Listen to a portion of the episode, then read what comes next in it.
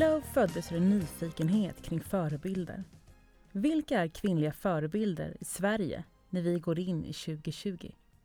Vilka ser vi upp till, lyssnar till och inspireras utav? Vi har frågat och vi har fått ett svar.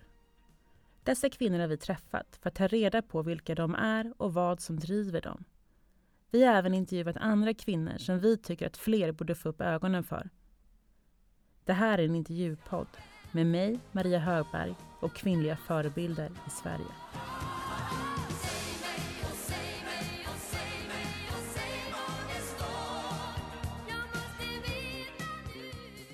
Det är vinter och mörkret ligger som ett tungt täcke över Stockholm.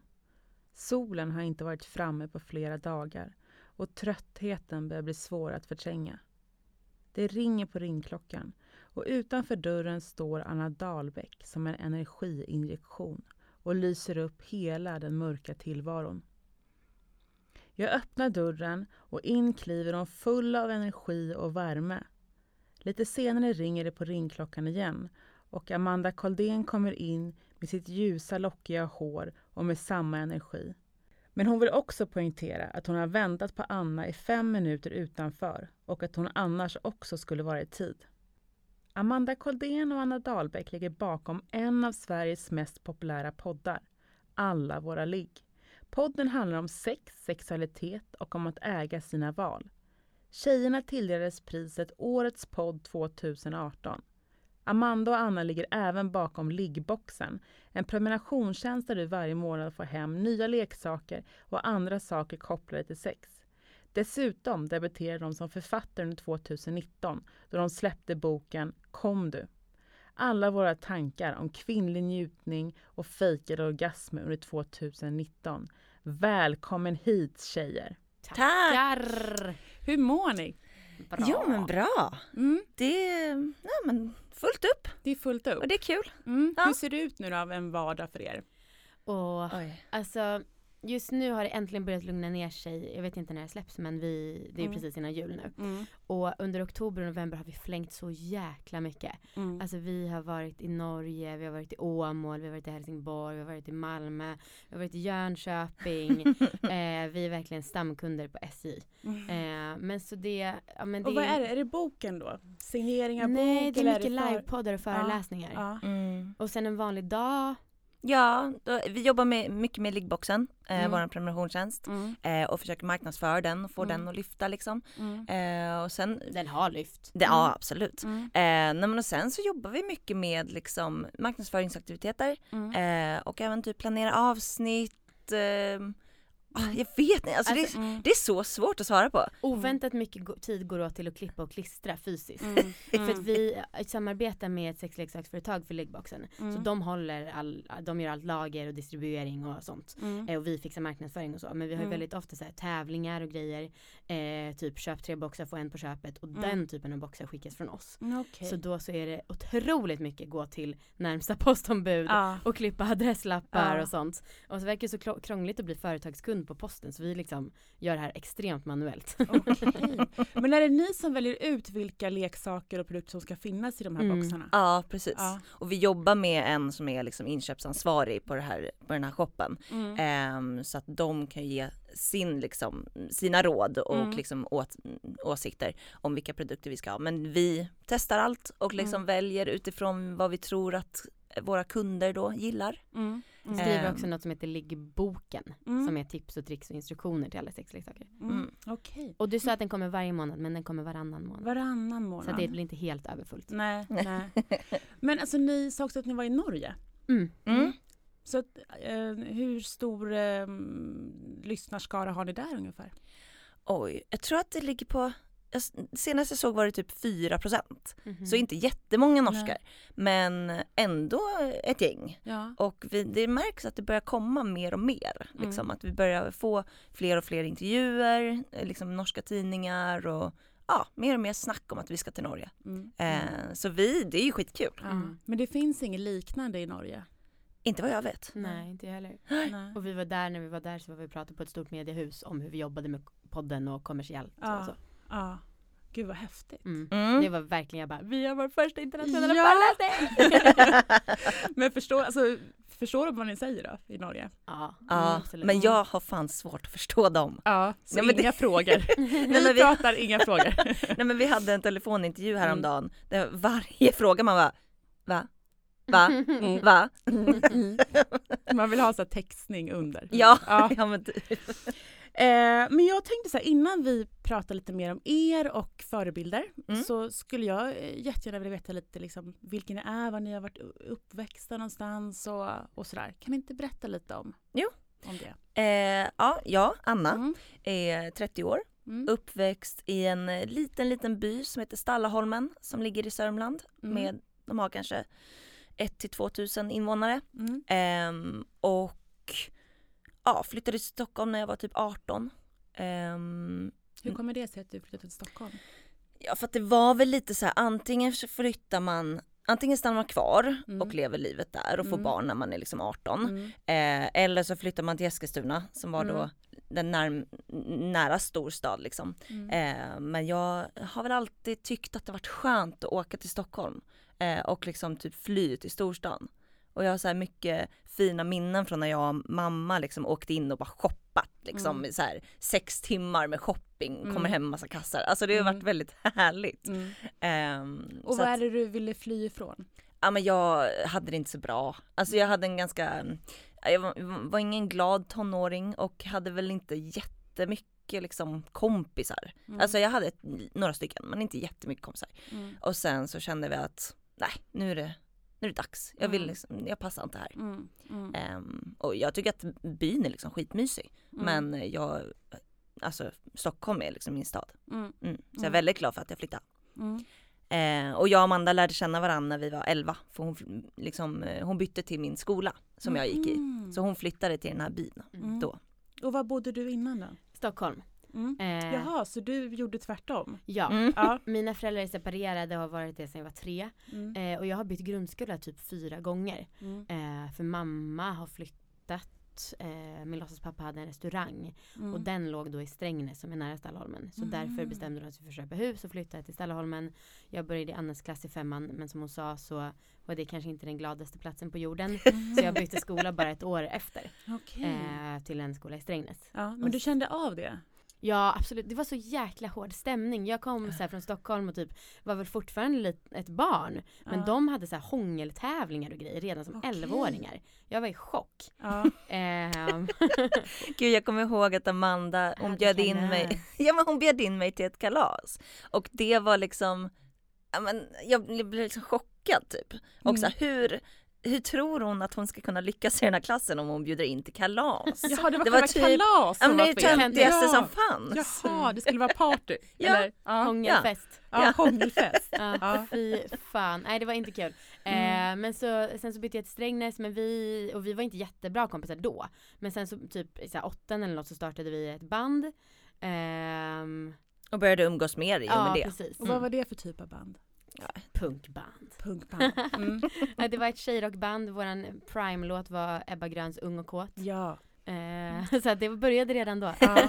Jag hade också en Ebba Grön-period när jag gick i åttan. Ja. Alltså jag älskade Ebba Grön. Ja. ja. Jag älskade Troligt. bara Ebba Grön för att det var coolt. Ja. Eh, tyvärr. Jaha, du var inte på riktigt liksom. Nej. Hur var det för dig då? Var Ebba Grön på riktigt? Ja, rista in det i väggarna och sånt. Ja. Ja. jag älskar fortfarande Ebba Grön. Mm. Hur är det för dig nu då? Jo men eh, jag gillar den låten Ung och kåt. Ja.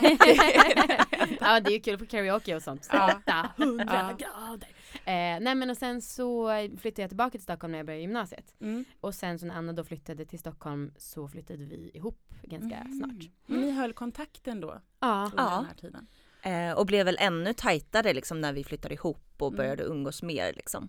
Eh, och sen så Ja, nej men vi har ju varit bästisar länge liksom. Ja. Um, och... Vad var det ni fastnade för hos varandra? vilken bra fråga! Aldrig den förut. Nej, jag uh, tycker att han är roligast i världen. Ja, mm. och jag tycker att Amanda är väldigt så lekfull och mycket för sig. Uh, och det tycker jag är väldigt kul. Mm. Men det var ju inte kanske så att vi tänkte det när vi var 11 och bara Anna är det roligaste jag träffat. Nej. Alltså för då, då tänkte du... man ju inte så mycket på sånt. Nej. nej, nej. Jag vet inte, du, du var liksom en sån som var snäll. Ja. och det kommer jag Snäll ihåg. och töntig. Ja men ja Mm. precis, ja men det var det. Mm. Det fanns några sådana eh, som man kunde gå till när de andra frös ut en. Typ. Mhm. Ja men så var det. Jag var Ja. kompisstödjare sen i skolan jag började efteråt. Ja. Mm. Mm. Mm. Vad tror du har fått det ifrån då? Att vara snäll? Men jag vet inte för jag hade också en period när jag idoliserade mobbning. Mhm. Eh, för jag läste eh, några böcker som var jättestora som tonårsböcker. Tvillingarna hette de. Ja men precis. Vet du ja, ja. Ja. Och där hade de så här ett coolt gäng där man fick Ja. göra inträdesprov och det var jag också otroligt inspirerad av. Ja. Ehm, men sen vet jag inte om jag liksom kunde leva ut den där coolheten till fullo genom att hålla på och mobbas och så. Nej. Så då så fick jag ta den Nej. andra vägen. Ja, men du testade ändå lite hur det var att Ja. Ja. Mm. Ja. Mm. Och sen, sen bytte du skola och flyttade till Stockholm. Men om ni tänker på när ni var små, runt 11 år, Mm. vad hade ni för drömmar då?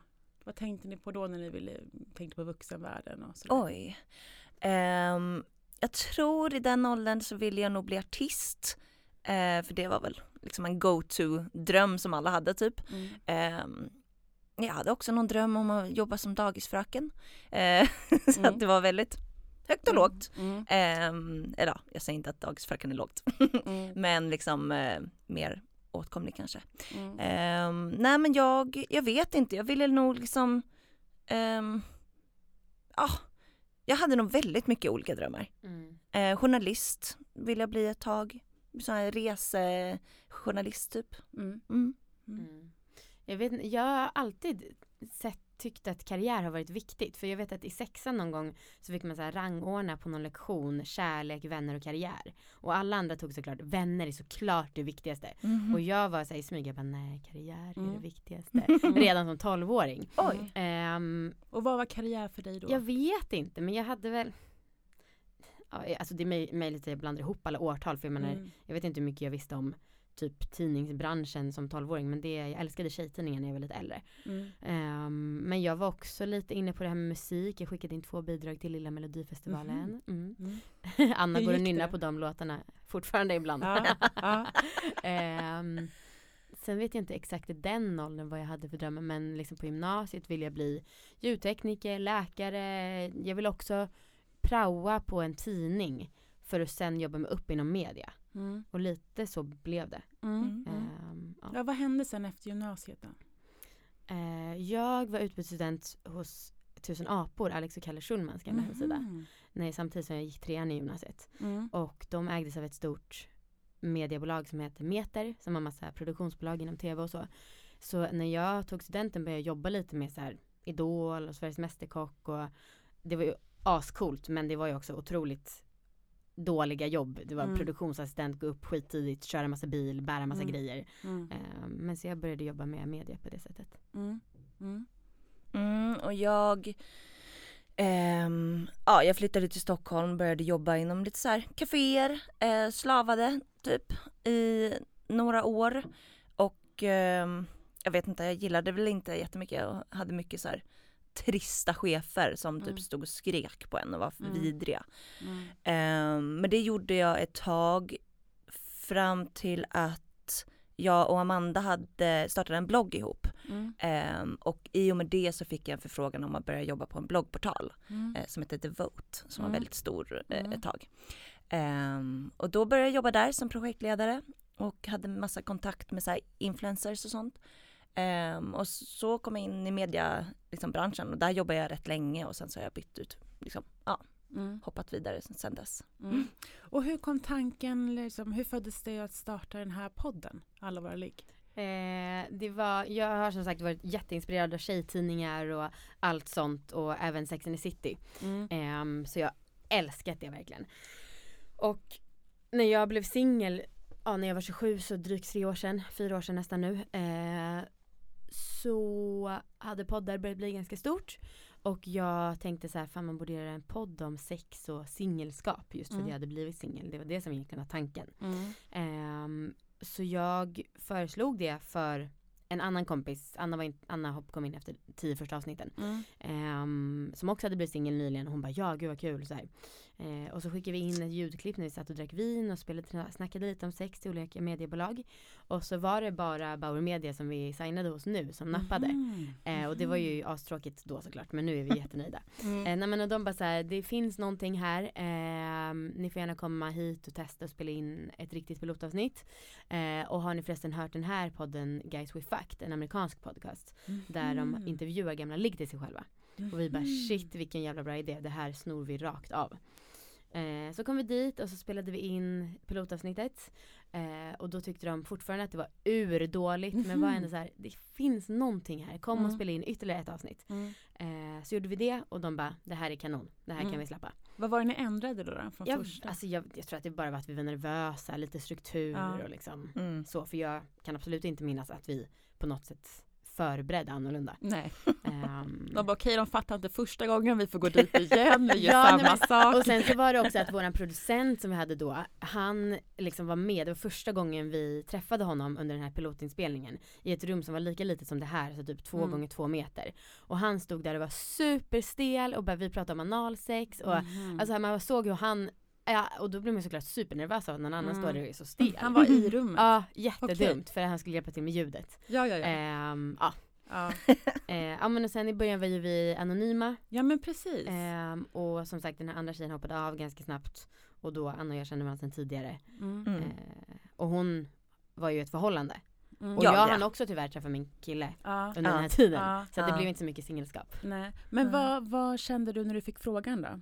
Och Eh, jo men då så, mm, eftersom vi var anonyma så kände jag väl att ja men jag kan hoppa in och rädda ett avsnitt eller två. Mm. Eh, för att jag skulle bara vara någon slags vikarie i början. Mm. Eh, för att det var lite oklart när andra tjejen skulle liksom sluta eller inte. Mm. Eh, men sen så blev det väl lite så att, ja men vill du vara med liksom mm. framöver? Eh, och då så kom jag ihåg att jag hade liksom tankar om att så här, fan kommer jag förstöra liksom hela min karriär jag har byggt upp och liksom hur kommer det funka? Kommer, liksom, folk kommer ju fatta att det är jag förr eller senare och liksom vad går jag in i? Kommer jag liksom Ja, jag vet mm. jag tänkte på typ så folk som viker ut sig, typ mm. slits och mår. Mm. Mm. Och så mm. tänkte jag på dem så här, men de har ju ändå liv. Mm, efteråt. Mm, mm. och sen om jag viker ut mig på det här sättet kommer jag ändå ha ett liv efteråt. Ja, men det var så det kändes att du likställde det liksom? Ja, ja. Jag, jag, tänkte på det faktiskt. Mm. Eh, eftersom det också liksom har med sex att göra och så. Mm. Eh, men eh, ja, sen så var det så himla kul att spela in. Mm. Och så här, jag och Amanda jobbar väldigt bra ihop. Och eh, liksom, det kändes mest på lek typ i början. Men när ni var anonyma då, era vänner och så runt om, Visste de att det var ni eller var det liksom? Ah, det här Både var, och. Det här var så jäkla jobbigt för jag ville egentligen säga till jättemånga och min komp, den andra tjejen som var med i början, hon ville liksom absolut inte att någon skulle veta. Hennes kille fick veta men that, that was it. Mm eh, så jag sa så här ibland, jag, bara, jag kan inte hålla mig, jag kan inte hålla mig. Mm. Så sa jag liksom till en, så sa jag till två och till mm. slut hade jag sagt det till tio. Eh, och så fick jag dåligt samvete mot henne för att hon ville ja. att det skulle vara superhemligt. Eh, men så jag med familj och kompisar för min del fick veta. Mm. Och sen var det ganska många som hörde av sig för Alex och Sigge plockade upp det här efter typ vårt andra avsnitt. Mm. Och då var det jättemånga som hörde av sig den dagen och bara haha Amanda, jag hör att det är du. Mm. ja. Men sen så ville ni ändå eh, inte vara anonyma längre. Nej precis. Eller hur kommer det, hur, hur, blev steget liksom från anonym till icke anonym? Ja men vi märkte att det började liksom, folk började försöka lista ut det. Eh, så dels så skrevs de det på Flashback och liksom de försökte gissa vem det var.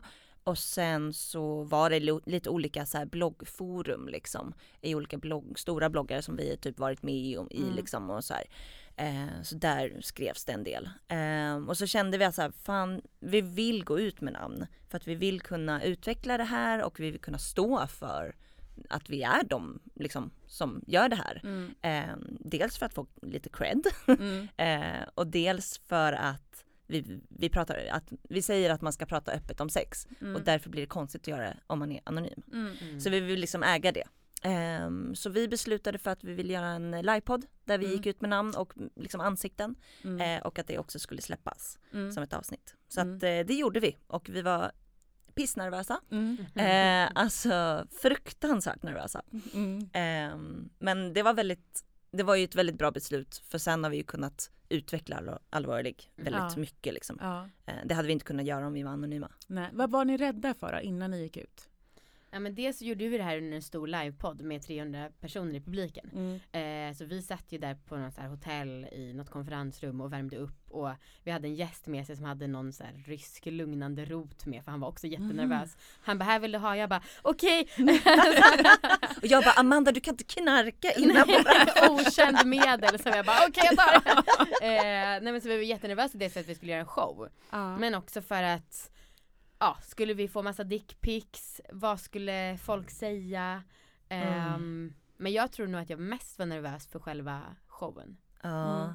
Jag var ganska nervös för mitt jobb, mitt äh, liksom vanliga heltidsjobb mm. jag hade mm. då. Att, mm. de, att det liksom skulle bli något konstigt där typ. Um, och vad blev ja. responsen då? Ja men bara bra. Ja, sen dagen efter, det var, det var så himla himla deppigt. Eh, Anna hade ju fortfarande sitt vanliga heltidsjobb då. Mm. Så dagen efter, hon gick dit, jag bodde i Lund då för jag pluggade för min kille gjorde det. Mm. Så vi åkte ner med tåget klockan 05 eh, på morgonen, lite bakis. Han gick till skolan, jag kom hem till en superstor och tom lägenhet. Mm. Eh, för jag bodde med han och massa andra killar och det var så här svinstökigt och äckligt i den lägenheten. Mm. Eh, så jag var där hemma bara, hopp. Sen hördes jag Anna på kvällen. Eh, bara, varför har ingen ringt? Mm. Båda var så deprimerade. Vad är, vi grät verkligen i telefon bara, var är alla intervjuer? Vad händer? Ja, det var en fruktansvärd sån post show depression. Ja, ja. För Men... vi hade ju målat upp det som något jättestort. Vi trodde ja. liksom på varje tablå. Anna och Amanda är de. och sen så Bauer Media skickade ju ut lite pressmeddelanden. Och vi bara yes nu har de skickat pressmeddelanden det händer ingenting. Nej, nej. Men när hände det då? När började det liksom bli rull? Någon månad senare, kanske två. Ja. Började få lite intervjuer och så. Mm. För nu är ni ju en av de största poddarna. Mm. Ja. Vi har varit ganska stora hela tiden faktiskt. Ja. Vi hade 40 000 lyssnare efter andra veckan. Oj. Vilket är liksom helt Oj. sjukt att det kunde växa så. Ja. Och idag har vi kanske 60 000. Mm. Eh, men eh, precis, nu är vi mycket mer inbjudna. Nu kan vi göra massa andra saker eftersom att vi har våra riktiga namn. Mm. Mm, mm. Är det någon som ni eh, som reagerade negativt på? Som ni inte hade räknat med eller? Hmm. Alltså, min pappa tycker att det är lite obekvämt. Eller liksom vet inte hur han ska adressera det. Och mm. samma sak med min bror. Han hörde av sig typ för inte så länge sedan och var så här, ja jag vill bara säga nu i efterhand att jag hörde ju att det var Amanda. När jag hörde det här på, i Alex och Sigges podd så hörde jag att det var Amanda men så tänkte jag, nej det kan inte vara hon som har gjort den här podden. nej. Så jag bara, ja, tack för att du säger nu, det så här eller? två år sedan. Ja. ja, han ringde nu och berättade. Ja. Okay. Jag, jag ville bara säga att han har gått och tänkt på det här. Ja. Oj, oj, oj, vilken Nej, börda. Sen är det säkert jättemånga vänner mm. som inte hör av sig som tycker att det är en helt sjuk grej vi gör. Ja. Eh. Ja, och vi har ju fått, alltså vi, vi får inte jättemycket hat men, men vi hade en YouTube-kanal ett tag, typ ett år och där var det typ bara trash talk. Alltså det var så mm. jävla mycket skit. Mm. Eh, så att det är klart att vi har upplevt vår del mm. av näthat också mm. såklart. Mm. Hur har ni klarat det då? Oh.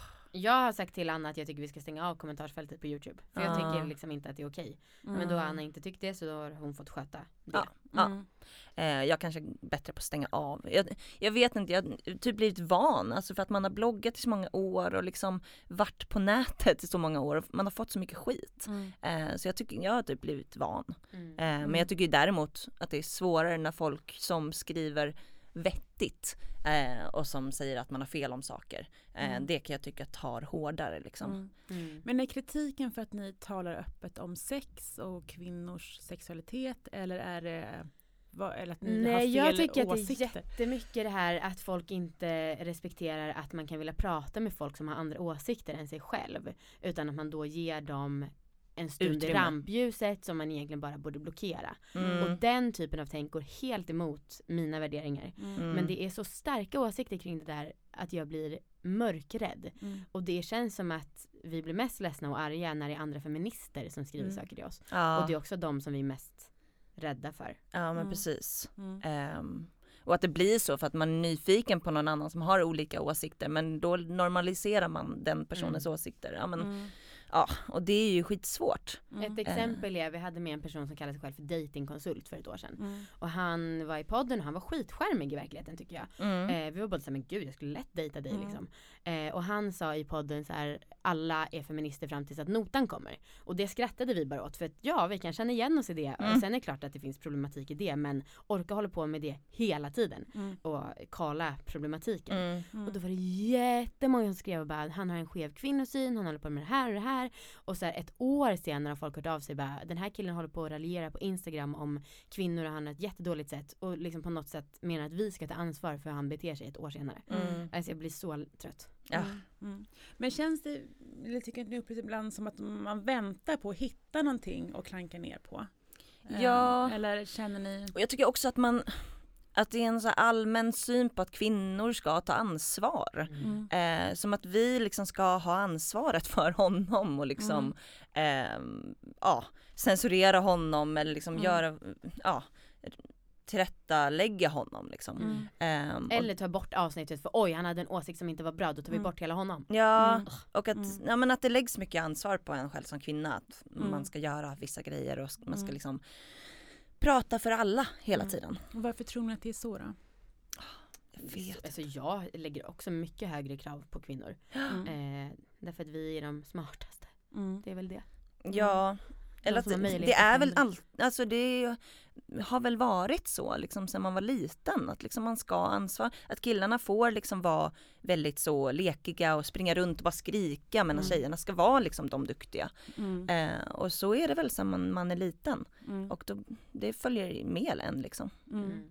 Och så här, jag tycker ju att man ska, eh, alltså man ska inte heller liksom gå runt och dadda med tjejer liksom. Eh, men jag tycker att det blir onödigt hårt. Mm. Och framförallt att man liksom väljer att gå på kvinnor eh, när det samtidigt finns så jävla mycket annan skit. Mm. Eh, som ofta män liksom mm. gör. Um, och det, jag tycker att det blir skevt. Mm. Att man bara liksom inte ser den skiten och mm. väljer då att liksom lägga mm. ansvaret på en kvinna. Ja. Men ni måste ju också få otroligt mycket eh, hyllningar för, det, för det jobbet ni gör. Gud ja. Och för att ni tar liksom, den här frågan på, på så stort allvar och verkligen liksom pratar öppet om det. Jag är övertygad om att vi har den bästa relationen någon podd i Sverige har med sina mm. lyssnare. Mm. Alltså jag är verkligen det för att folk är så otroligt gulliga. Och när vi livepoddar, vilket vi gör ganska ofta, mm. så brukar vi avsluta med att fråga folk om deras bästa orgasmtips. Mm. Något som vi även har som stående segment i podden.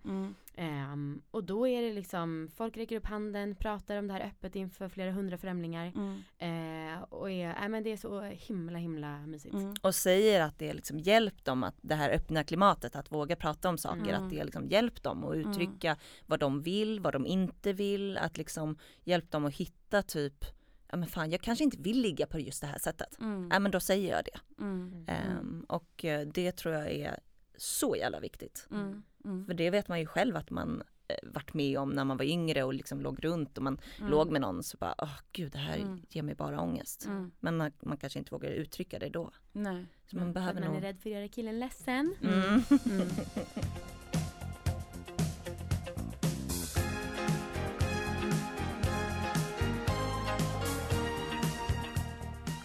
Amanda Koldén och Anna Dahlbäck beskriver också kontrasten mellan rampljuset och tystnaden och ensamheten som uppstår när ljuset släcks.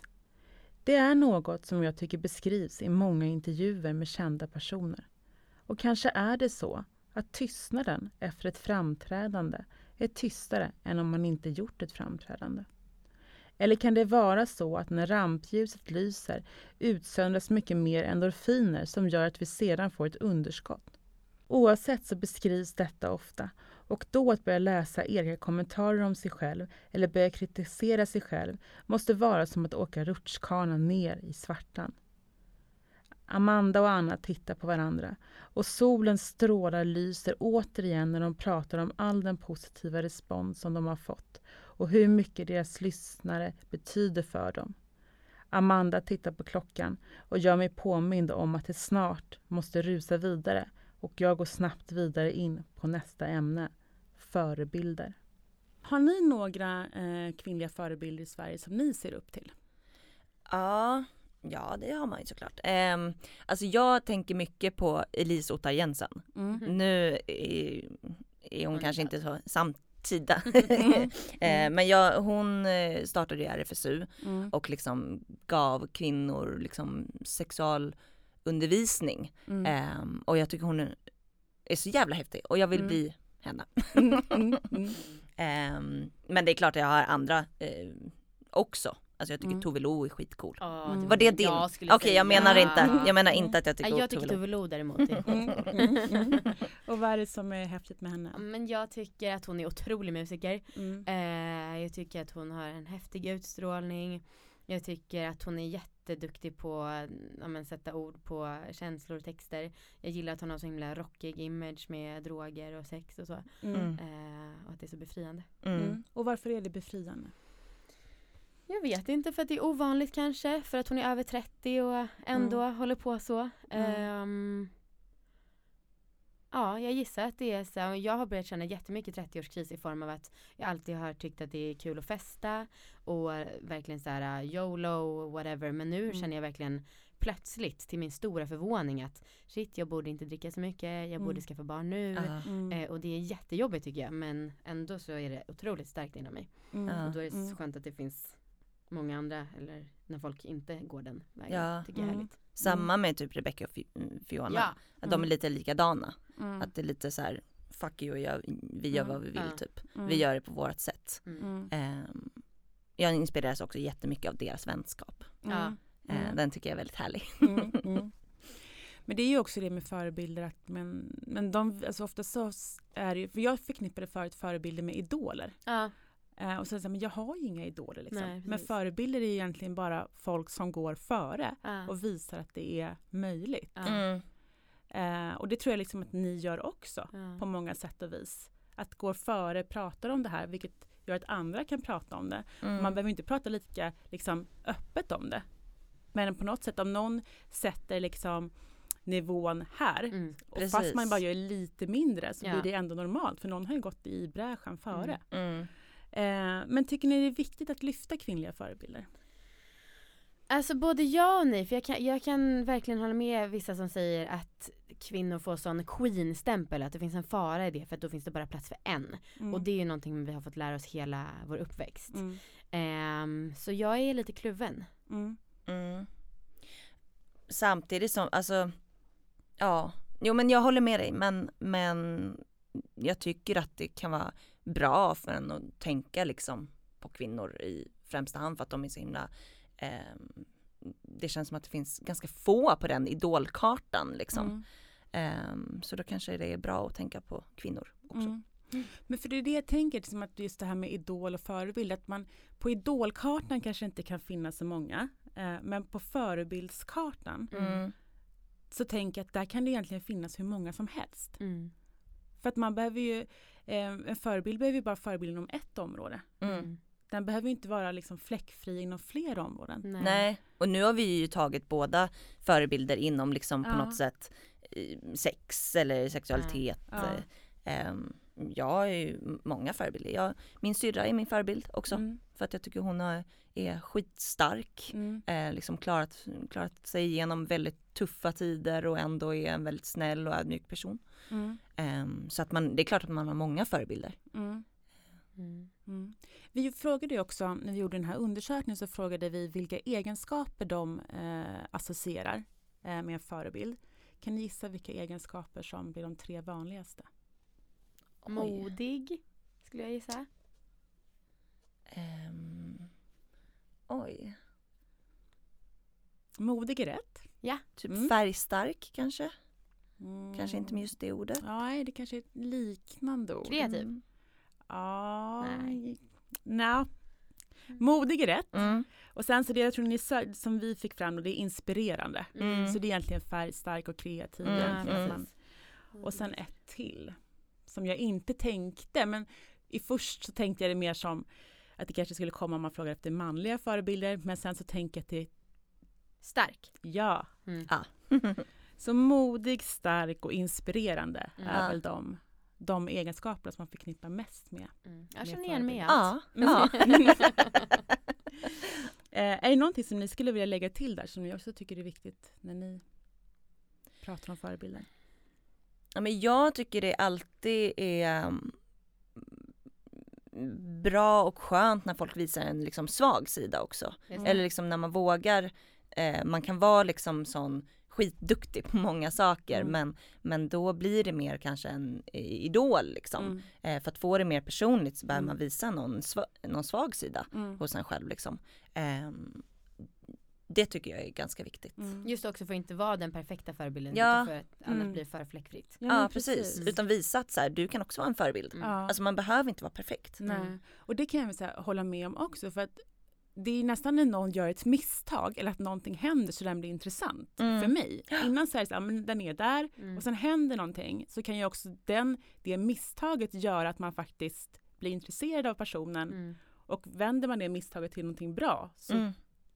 Kan man få en helt ny bild av den personen. Ja men precis. Mm. Men har ni gjort något sånt misstag? Eh, som ni känner så här, oj varför gjorde vi det här? Som ni ändå liksom lyckades vända till någonting positivt? Eller? Oj massor. Ja, alltså tänker du på podden eller i livet? Ja, men över, ja, över Ja men mm. podden kan vi ta som första om ni har någonting sånt konkret där. Mm, alltså jag tänker direkt på typ ganska tidigt i ett avsnitt så berättade Anna om när hon träffade en ökänd nazist. Mm. Eh, som hade sagt något jättedumt till henne på tunnelbanan och det involverade n-ordet. Mm. Men då så citerade Anna den här personen rakt upp och ner mm. och verkligen visade på att gud han är helt dum i huvudet. Mm. men vi fick så mycket skit ah. över att vi använde det ordet. Ja. ja. Mm. Och jag blev jätteförvånad faktiskt och ja. var så här, va? Hon citerade ju bara och liksom ja. hade ingen aning om att man inte ens och skulle citera. Nej precis, och för att visa att mm. det där är verkligen fult. Mm. Mm. och då, nej men då, det var verkligen så här eh, ögonöppnare. Mm. Eh, och vi började verkligen fundera över liksom det och mm. vad vi sa eller vad jag sa. Eh, men skulle men... du uttryckt dig så idag eller skulle du uttryckt dig på ett annat sätt? Jag hade absolut inte uttryckt mig så idag. Mm. Men jag vet inte om jag håller med om att det är bättre att säga än ordet. Mm. Alltså, alltså själv det uttrycket för att alla vet ju vad man menar. Alltså det är, en, jag tycker typ att det är lika illa. Mm. Um, ja, jag vet, jag vet faktiskt inte. Mm. Um, men nej, jag hade inte uttryckt mig så idag. Mm. Mm. Och sen så tänker jag typ på här, när jag var tonåring och hade, jag hade ett cheerleading-lag i min mm. högskola eller högstadie. Mm. Och eh, det var så otroligt mycket skitsnack. Och jag hade gjort misstaget att skriva ut ett meddelande på, som en tjej skickade till mig på Lunarstorm, Lunarstorm när vi bråkade. För att visa de andra, så här, få lite stöd från de mm. andra. Och det här kom ju såklart fram till henne och det blev sånt himla drama. Så efter det jag bara okej, okay, jag ska aldrig mer snacka skit om folk. Mm. Eh, sen har jag börjat göra det igen i vuxen ålder och njuter väldigt mycket av det. Mm. Men just under tonåren var jag så här, shit jag kan liksom inte vara involverad i det här. Det var oh, så jäkla jobbigt. Mm. Eh, och verkligen någonting som jag är påverkad av fortfarande. Mm. Mm. Men vad var, det som, vad var den största lärdomen du fick av det? Ja men just att ja, men det skvaller och drama och massa sån skit är så himla värdelöst. Mm. men så... nu tycker du inte det längre? Nej för att vi snackar skit och det tycker jag är på ett annat sätt. Jag skulle aldrig, jag tycker till exempel den här kulturen på Instagram med att folk hänger ut varandra och ah. bråkar publik. Det tycker jag är helt vansinnigt. Mm. Jag tycker det är så tonårigt och omoget och okonstruktivt. Så att jag, mm. ja. Och varför tror du de gör det då? Nej, jag, jag tolkar det mycket som så här, om man visar att man har en viss åsikt så framstår man sig själv som själv i god dager. Mm. Sen tror jag också att det är nyhetens behag att vi har möjligheten att göra det med den typ av teknik som finns nu. Mm. Eh, jag, jag, kan tycka att det är en annan grej att skriva eh, kolumner i Aftonbladet och så. Eh, för att det tar ändå ett visst tag innan mm. det publiceras. Det är inte så mycket i mm. affekt. Och det är lite mer nyanserat ja. oftast. Eh, men så jag tänker bara att det är samtidens vana och jag hoppas att det dör ut snart. Mm. Ja. Mm. Och om man tänker då, um, ni som, ja, som är väldigt liksom öppna och har bra värderingar kring sexualitet. Så om man tänker på unga som växer upp idag, som mm. inte har kommit in i sin sexdebuten. Vad skulle ni vilja ge dem för tips och råd eller förhållningssätt? Åh oh, gud, att inte att försöka att inte stressa upp sig inför alla liksom Det finns så mycket myter och föreställningar kring sex och eh, liksom vad man ska göra, hur man ska vara, liksom hur man ska se ut. Att försöka att inte stressa upp sig mm. kring det. Um, för att det, det är ju skitsvårt. Det är klart att det är jätte, jättesvårt att inte göra det men, men eh, det kanske. Att också våga prata med folk om det. Mm. Eh, att så känna att så här, men gud jag måste ha sex nu, nu, nu, nu, nu. Eller jag måste ha så här stora bröst. Mm. Att eh, ja, det finns väldigt mycket föreställningar liksom. Mm. Eh, att försöka tänka på dem och våga prata med dem om liksom med personer i sin närhet. Mm. Mm. mm. Ja, jag håller med och typ komma ihåg att onani är fett bra sätt att lära känna sin kropp. Om man vill. Mm. Och om man tänker liksom på, på föräldrar då, som har barn. Eh, hur tycker ni de ska agera eller liksom prata med sina barn om det? Gud, det är så svårt att säga eftersom vi inte själva har barn. Mm. Ibland känns det som att man bara liksom, ger råd och så vet man inte alls hur mm. det är. Liksom. Mm. Eh. Men jag tänker typ att alltså, så här, ta snacket långt innan det sker och inte göra det som en så här, nu ska vi prata om sex. Mm. Utan verkligen göra det som något naturligt. Mm. Mm. Ska ja. man ge samma råd till um, flickor och pojkar tycker ni? Ja. Och framförallt killar kanske kommer ihåg att säga nej-gränsen lite mer. Ja, precis. Ja, och på något sätt tänka på att så här, ja men de kommer ju influeras av annat än bara det vi säger här i hemmet. Mm. Så kanske utgå lite från det. Mm. Ja men typ samtycke, mm. att det är mm. liksom en viktig sak att ta upp. Mm. Speciellt för killar. Och porr som så många stöter på, ja. över. Eh, förklara att det verkligen inte är verklighet. Vilken ålder ska man börja lyssna på er podd? Oj! jag tycker ändå 15 som tidigast. Det var så gulligt en gång, hur gammal var hon som skrev så här typ var 9 eller 12? Ja, uh, 9. Ja, skitliten. Det är så bra för nu när jag lyssnar på er så blir jag varnad om allt som kommer hända sen. Mm. ja. Och det är väl det, man ska nog inte känna sig varnad utan mer lyssna på lust av ett lustfyllt skäl. Ja. Vilken ålder är era lyssnare i då? Men runt 30, 25-30. Mm. Um, och sen alltså vi, vi har jättestor, uh, jättemånga som är 45-ish mm. som lyssnar också. Um, men uh, ja, runt 25-30. Mm. Och så här, vi tycker egentligen inte det, blir, det blir, kan ju bli konstigt att lyssna på avsnitt där vi pratar om liksom tantra eller liksom saker som man kanske inte ska komma in i förrän man kanske liksom utforskat sig själv lite bättre. Mm. Um, och då blir det ju konstigt om man är typ 13 och mm. lyssnar. Mm. Um, ja. Men har, vad är de äldsta lyssnarna ni har då? Jag fick en kommentar från en gubbe som var 70 år på Instagram mm. häromdagen. Mm. Jag tror att det finns upp till 80 90-åringar. Ja. Alltså. Ja. Jag såg också att um, att många pensionärers sexliv blomstrar. Ah, att det, blomstrar? Ja, oh, wow. att det är fler och fler pensionärer som har mer och bättre sex än någonsin. Kul. Vad bra! Så ni kanske har en, en, någonting att göra där också på PRO. ja, för det sen, sägs ju att 90-talisterna ligger mindre. Ja men precis. Eh, så det har väl ökat. För det var den vinklingen jag läste. Att ja. Eh, yngre ligger mindre och pensionärerna tar blomstrar. För sig. Mm, ja, de härligt. tar för sig. Eh, men om man ser nu, vad har ni för eh, drömmar framöver? Eller målbilder eller? Mm. Eh, jobba mer internationellt. Mm. Vore skitkul. Och vad, vad är internationellt då? Är det USA? Norge, Danmark? Nej. jag vet inte. Där vi behövs som mest kanske. För det kommer ja. också vara som kämpigast. Mm. Um. Alltså det vore kul, eller vore coolt att verkligen göra skillnad i form av liksom att det blir som sexualupplysning liksom. Mm. Att vi kan hjälpa folk även i andra länder som kanske inte är lika eh, liksom framme där Sverige är. Mm. Eh, det tycker jag. Mm. Har ni något sånt eh, dröm, drömland? Vet alltså, USA känns ju lockande bara för att det finns så himla högt och lågt mm. konservativa personer. Men mm. eh, jag tänker också att det vore jättekul om boken släpptes på flera språk och även att det blev någon sorts inslag i den svenska sexualkunskapen. Mm. Mm. Och boken då, om ja. vi kommer in på den som ni precis har släppt. Mm. Eh, hur kom idén till den? Um, ja, idén, alltså jag vet inte riktigt. Vi pratar, jo men den, den handlar om orgasmglappet eh, som ju ganska många har skrivit om och pratat om.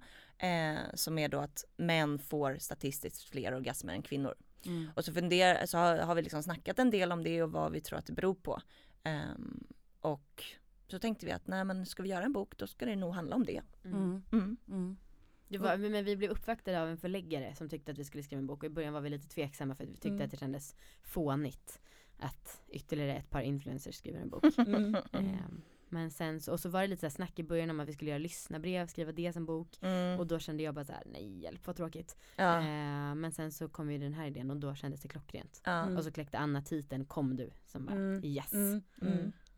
Och hur, hur tog ni er för att börja skriva boken? Var det bara ett vitt eh, en vit eh, som A4 mm. och så mm. började ni skriva eller? Alltså vi fick, fick faktiskt hjälp av den förläggaren. Mm. Att så här, för att vi frågade hur skriver man en mm. bok? Mm. eh, och då var han så här, okej okay, men ni ska skriva rubriker, hur många rubriker ni vill ha och vad de ska heta och vad det för, ska vara för underrubriker och vad de ska handla om. Mm. Så att vi, han hjälpte oss rätt mycket för att vi har ju inte skrivit något förutom liksom blogg. Det var ju också det som krävdes för att de skulle säga ja till boken. Ja. Att man skickade in kapitel och rubriker på kapitlen och så.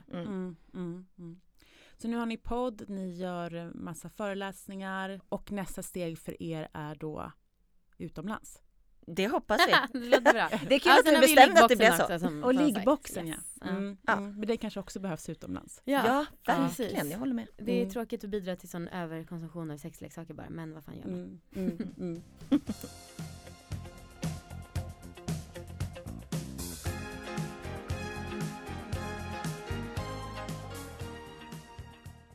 Sex, sexualitet, kvinnliga orgasmer, sexleksaker, föreläsningar, sexböcker och hundratals poddavsnitt senare lämnar de nu min studio för att jobba vidare med att lyfta den kvinnliga sexualiteten. På något sätt så har deras energi, lekfullhet och frispråkighet gjort mörkret lite ljusare. Det här var allt från intervjun med Amanda Koldén och Anna Dahlbäck och tack för att du har lyssnat. Gå gärna in och rösta på din favorit på glow.se